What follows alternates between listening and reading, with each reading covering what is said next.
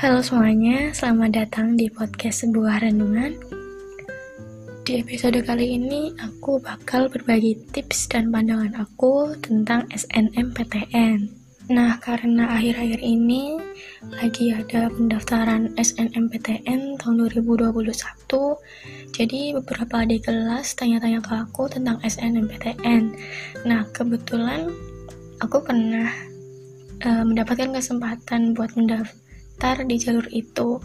Ya meskipun akhirnya nggak diterima lewat jalur itu tapi seenggaknya aku punya beberapa hal yang menurutku penting untuk disampaikan ke teman-teman yang mau mendaftar lewat jalur SNMPTN supaya teman-teman bisa lebih hati-hati dan siap menerima apa pun konsekuensinya atas pilihan yang telah atau nantinya teman-teman ambil. Nah, yang mau aku bahas pertama itu tentang memilih jurusan.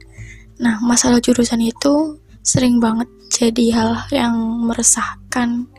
Oke, langsung aja untuk memilih jurusan di SNMPTN diusahakan sesuai dengan minat dan bakat teman-teman masing-masing. Emangnya kenapa sih kok harus kayak gitu?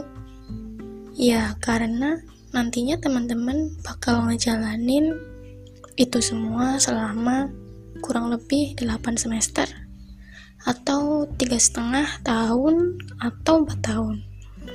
Kalau yang dijalanin itu nggak sesuai dengan kemampuan dan minatnya teman-teman kan malah justru membuat teman-teman jadi kayak tertekan atau stres pikirannya ataupun malah jadi males-malesan karena nggak sesuai sama kemampuan atau minatnya teman-teman.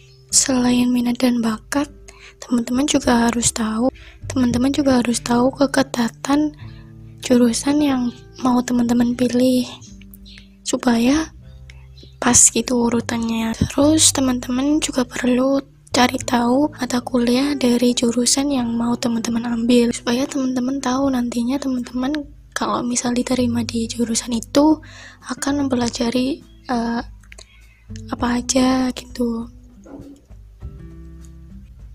Untuk mencari tahu matkulnya sih teman-teman bisa tanya ke kakak kelas yang mengambil jurusan itu ataupun cari di internet juga banyak kok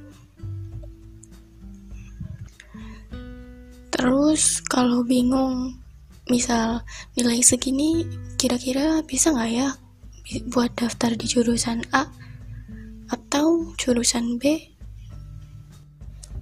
Teman-teman bisa tanya ke guru BK buat dapetin referensi atau daftar nama kakak kelas yang diterima lewat jalur SNMPTN. Siapa tahu jurusan yang mau teman-teman ambil ternyata sebelumnya ada kakak kelas yang diterima di jurusan tersebut. Nah, kalau bisa sih sekalian tanya-tanya nilainya. Tapi kalau misal nggak berani atau gimana, bisa tanya langsung ke kakak kelas yang bersangkutan. Selain itu, perlu diperhatikan juga bahwa SNMPTN tidak hanya mempertimbangkan nilai saja, tetapi juga indeks sekolah teman-teman masing-masing. Seperti akreditasi sekolah, jumlah lulusan sekolah teman-teman yang diterima di kampus tersebut, lalu track recordnya lulusan dari sekolah teman-teman di dalam perkuliahan di kampus tersebut bagaimana.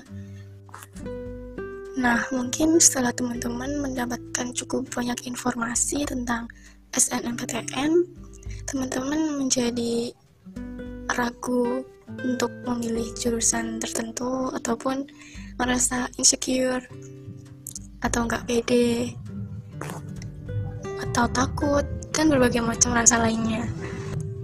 Tapi semuanya kembali lagi ke teman-teman masing-masing. Apakah teman-teman mau mencari aman ataupun mau tetap memperjuangkan mimpi-mimpi teman-teman? Meskipun mungkin cukup beresiko. Kalau aku dulu sih termasuknya tetap tetap memilih jurusan yang emang aku pengen dan aku merasa mampu di jurusan tersebut. Ya, pada intinya sih setiap keputusan yang diambil itu pasti ada konsekuensinya. Jadi ya harus siap menerima apa pun konsekuensinya nanti. Oh ya, aku juga mau berpesan ke teman-teman semuanya. Kalau menurutku jangan terlalu berharap berlebihan terhadap SNMPTN sewajarnya aja. Kalau kata kakak kelasku dulu sih tetap optimis tetapi harus siap menerima apa pun hasilnya nanti. Selain itu teman-teman juga diusahakan jangan leha-leha tetap belajar untuk mempersiapkan UTBK daripada waktunya disia-siakan begitu saja. Lah, kalau misalnya nanti diterima gimana, Kak? Iya, gak apa-apa dong. Iya, gak apa-apa. Lagi pula yang namanya belajar menurutku gak ada sia-sianya sih.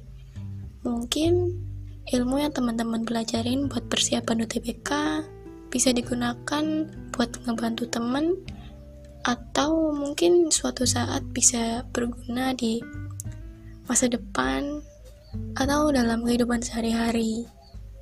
Mungkin segitu dulu dari aku. Untuk informasi-informasi lainnya, teman-teman bisa cari di internet, di media sosial seperti Instagram, Twitter, YouTube, WhatsApp, dan lain-lain. Apa pun hasilnya nanti, teman-teman harus tetap semangat dan bahagia ya. Semoga bermanfaat. Terima kasih, dan sampai jumpa kembali di episode berikutnya.